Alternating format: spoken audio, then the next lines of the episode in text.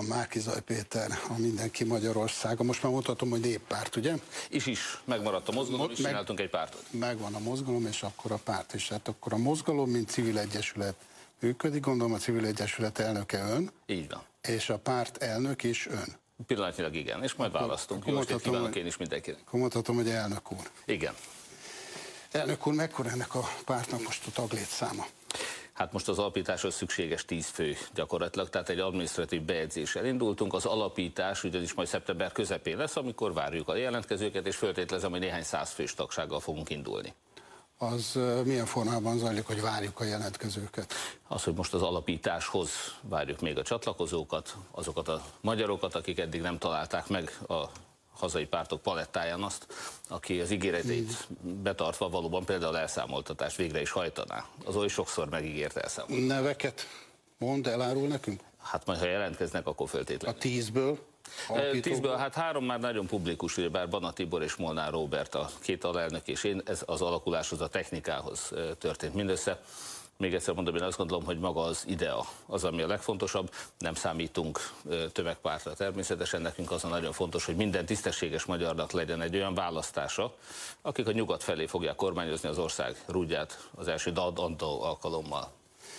Van itt öt pont, igazából ez valami olyasmi, hogy öt jellemzője ennek a, uh-huh. a pártnak, ugye? Én ezeket itt kilistáztam magamnak. Az egyik az, hogy, hogy ezzel kezdődik ez az első, hogy az MMN, ugye? Igen. Fordítom. A rendszer ellenzéke kíván lenni. Az mit jelent? Hát az, hogy mi most tavaly úgy érezzük, hogy kimerítettük azt a lehetőséget, hogy rendszerváltás nélkül legyen kormányváltás, és majd utána váltsunk rendszert.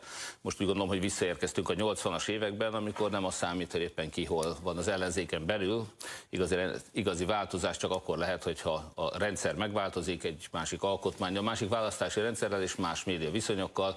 A mostani rendszerben is a gép mindig Orbán Viktort hozza ki győztesnek.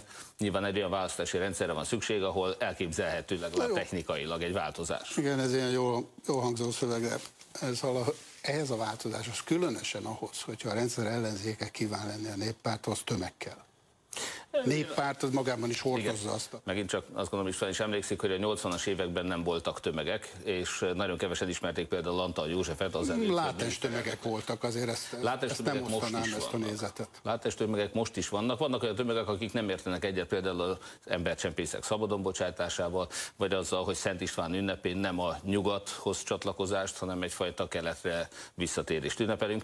Tehát tömegek vannak, akik jobban szeretnének élni, akik bánják azt, hogy a családtagjaik sajnos nyugatra távoztak, valamiért soha nem keletre. Én azt gondolom, hogy Magyarország egy gazdagodó, emelkedő ország kell, hogy legyen, és emögött van tömeg. Jó, akkor menjünk vissza ezekhez a pontokhoz, mert az, az a konkrétum. Szóval azt mondja ugye, hogy kiállás minden társadalmi csoport mellett egyformán, egyenértékűen, ugye? üldözöttek mellett, és itt én például Hatházi Ákost hoztam fel példának, tehát a számomra elfogadhatatlan. Megsértettek, üldözöttek. Nagyon sok üldöző csoport van ebben az országban. Tudom, hogy a katásvállalkozóktól, a tanárokon keresztül a rendvédelmi dolgozók, és nem sorolom fel tovább, hogy kinek milyen sérelmei voltak az elmúlt időszakban. Hatházi Ákost azért szoktam példának hozni, mert én vállalom azt, hogy független attól, hogy egyetértek valakivel, vagy nem, hozzám hasonló konzervatív jobboldali, vagy vallásos ember, vagy nem, én ki fogok állni a jogaiért például egy olyan képviselőnek, aki teljesen jogellenesen és alaptörvény ellenesen demeskednek föl. De Hódműzővásárhely például még eklatánsabb. Tessék elképzelni, hogy a 25 megyégó város közül mindenféle magyarázat nélkül egyedül Hódműzővásárhely nem kapta meg a neki járó rezsitámogatásokat a rezsinövekedés ellensúlyozására, és én nagyon remélem, hogy lesznek akik, és hát mi ezt vállaljuk, akik ilyen esetben kiállnak majd akár hatházi Ákos, akár Hódműzővásárhely mellett. Erre most nem volt példa. Én egy másik példát akartam hozni, és hozom is, hogy mondjuk ugye van az, hogy bizonyos türelemmel kétségkívül kell lenni egy olyan betegség felé iránt, mint a pedofiloké. De. És ugyanakkor ott vannak a gyermekeink. Ott Bocsánat, két... milyen türelme kell lenni a pedofila felé? A pedofil betegség felé. Miért kell türelme lenni a pedofilia felé? Azért, mert minden beteggel szemben türelmekre. Hát elnézést, egy tömeggyilkos is lehet beteg, de ettől még nem kell türelmesnek lenni a tömeggyilkossággal. Az is egy mentális betegség. Nem kell türelmesnek lenni a tömeggyilkossággal, és nem kell türelmesnek lenni a pedofiliával. Nem is azt mondom, hogy a kizárólag türelmesnek kell lenni, hanem azt mondom, hogy nem lehet szembeállítani egy másik csoporttal. Tehát itt a gyerekek védelméről van szó. Hát nem lehet kérdés, hogy a pedofilokkal szemben a gyermekeket kell megvédenünk, ezért is kell rendszerváltás. Számomra teljesen elfogadható az, elfogadhatatlan az, hogy Peruból egy fideszes nagykövetet hazahoznak, hazamenekítenek a büntetés elől, majd itt szabadon rábocsátják a magyar gyermekekre egy bűnöző pedofilt 400 ezer forint pénzbírsággal. Ez, ez megint egy másik, ez egy konkrét régi ügy. Itt az Máig szabadlábon van. Az aktualitások nem. Amíg nem lesz, amíg nem lesz rendszerváltás, ezek a pedofil bűnözők szabadlábon vannak. Ezért kell rendszerváltás. A harmadik itt az a Sőt, van itt más váltás és kultúraváltás. Az Így. mit jelent? Az azt jelenti, hogy a lopást és az ö, propagandamédiát, a lejárató kampányokat, karaktergyilkosságokat fel kell váltsa Magyarországon a szeretet hatalma, fel kell váltsa Magyarországon a jog előtti egyenlőség, fel kell váltsa Magyarországon a szolidaritással lehajló szeretet a szegények iránt. Nem a miniszterelnök fizetését kell emelni, hanem a tanárokét. Nem vasútvonalakat kell bezárni, hanem a magárepüléseket kell befejezni. Elnök úr, konkrétan mit jelent? Ez teljesen konkrét volt, amit elmondtam. Ez ennyire konkrét. Tehát valóban pontosan arra van szükség egy kultúraváltásban, hogy például, amit én magam követtem, de sajnos egyelőre tömegek nem követték, a család tagoknak a vagyonnyilatkozata is legyen minden esetben vallá, nyilvános. Hogy például a kampány támogatásokkal és a kampány költségvetéssel tessék fillére elszámolni úgy, hogy még a titkos szolgálat se találhasson benne semmilyen bűncselekményt, semmilyen kifogásolni valót. Na, ez vezet a negyedik ponthoz, ugye ez a nincsen állami forrásuk. Akkor miből fognak gazdálkodni? Adományokból, mint eddig. Mikroadományokból? Mikroadományokból és vagy bármilyen mag... nagyobb adományok. Nyilván közismert volt néhány nagyvállalkozó, aki támogatott bennünket, és ez is publikus volt. Én azt gondolom, hogy természetesen joga van egy magyar vállalkozónak támogatnia, joga van Amerikában élő magyaroknak is támogatnia egy eh, politikai rendszerváltást. Ahogy tették ezt egyébként például Orbán Viktor a Soros György annak idején, tehát eh, mindig érkeztek De külföldről érkező támogatást a párt nem vehet be? A Fidesz miért fogadta el Soros Györgynek a támogatását külföldről?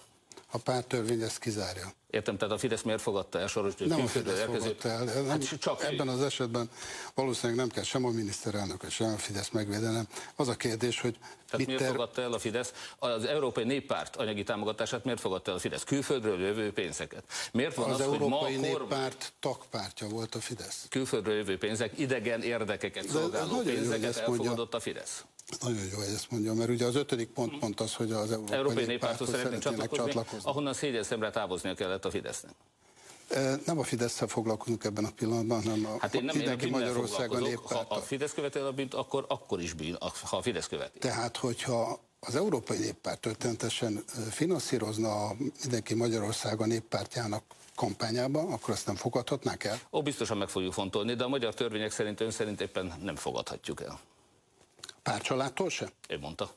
Azt nem tudom, hogy a párcsaládtól elfogadhatnak. Én mondom, tehát a mi esetünkben még soha nem volt olyan bizonyíték, hogy például Soros György támogatott volna minket. Lázár Jánost meg Orbán Viktort bizonyítottan Soros György támogatta. Tehát én azt gondolom, hogy a törvények mindenkire egyenlőek, tiltsák be nyugodtan, de hogyha ezt betiltják, nagyon helyesen nyilván, akkor a Fidesz soha nem indulhat többi választáson. Te elnök tényleg megint ugye Orbán Viktor, Soros, egy csomó éve elhangzik. De nem, Ezt csak nem, példának mondom, de, tehát igen, de nem, a kettős mérce, ez a másik kultúraváltás, a, a kultúraváltásban. Nem Mi ez szeretnénk azt, hogy mindenkire ugyanazok a törvények vonatkoznak. Nem lehet az, hogy valakinek a fillérjeit is megnézik, megszámolják egy tisztességes, becsületes ember, a másik lopcsa hazudik, vagy a Pesti László mondta, egy lőlő jelenséggel állunk szemben, és azt viszont nem üldözik. Miért nem üldözik a bűnt? És akkor a néppárt fogad el külföldről pénzt, vagy nem fogad? Nem tudom. Őszintén szóval nem. Soha nem kértem a néppárt támogatását. Egy fillért nem kértünk a néppártól. Az Európai Néppártos csatlakozásnak vannak feltételei. Ugye a trendre el kell fogadni a néppárt politikai deklarációinak tudom, jó részét, vagy nagy részét, és lehet bizonyos kérdésekben mondjuk így, hogy alkudni, vagy konszenzusra jutni. Migráns kérdésben én végtelen föl vagyok háborodva, hogy az embercsempészeket szabadon bocsátották, végtelen föl vagyok háborodva, hogy tömegesen telepítettek be gazdag, bűnöző, terrorista migránsokat, amikor 20 ezer migráns kötvényt kiadnak, és engedik, hogy ezek a bűnözők és terroristák és a családtagjaik bejöhessenek Magyarország, csak azért, mert fizetnek. A Magyarország, rosszul jár, Magyarország, a magyar állam rosszul járt, közben pedig néhányan ebből milliárdos, 150 milliárdos gazdagodásra tettek szert. Ez ellen a bűnözés ellen, a, ez ellen az embercsempészet ellen föl kell lépni. Nem támogatjuk, abszolút nem támogatjuk a bűnöző migránsok behozatalát. Sőt, tiltakozni fogunk, és amikor alkalmunk lesz leváltani Fideszt, ezt meg fogjuk szüntetni. Tehát akkor jól értem, akkor a migránsokat utaztató vagy csempésző embereket sem, csoportokat sem. Azokat is nagyon-nagyon sajnálom, hogy Orbán Viktor szabadon engedte. Migránsokat sem. Természetesen a migránsokat, most hogyha ön arra gondol, hogy például a magyarok százezrei hagyták ezt az országot, mi azt szeretnénk, hogyha ők visszatérnének Magyarországra, szemben azokkal a most éppen 500 ezer, ha jól emlékszem, migránsnak, akit most vendégmunkásnak hívnak. Én azt gondolom, hogy nekik nem itt kellene munkát biztosítani, Ez a szám nem különösen pontos. nem. Sőt, Mennyi nagyságrendileg se pontos, de erről egy másik beszélgetés. Orbán Viktor 2002-ben azt mondta, hogy egy millió, én is nagyon szívesen, egy millió olyan munkásra van szükség Magyarországon, akik nem élnek itt. Egy millió migránst akart Orbán Viktor még 2002-ben betelepíteni Magyarországon. Elnök úr, megint azt mondom, hogy Folytassuk más kérdés, hogy milyen ütemezésben és mikor lesz szükség Magyarországnak ipari munkásokra. Nekünk De magyar ezt, emberekre van szükség. Legközelebb nagyon szívesen Nem migráns munkásokra, magyar emberekre van szükség. És nekem is fel kell majd készülni. Mindig nagy örömmel. Márki Zaj Péter, köszönöm szépen.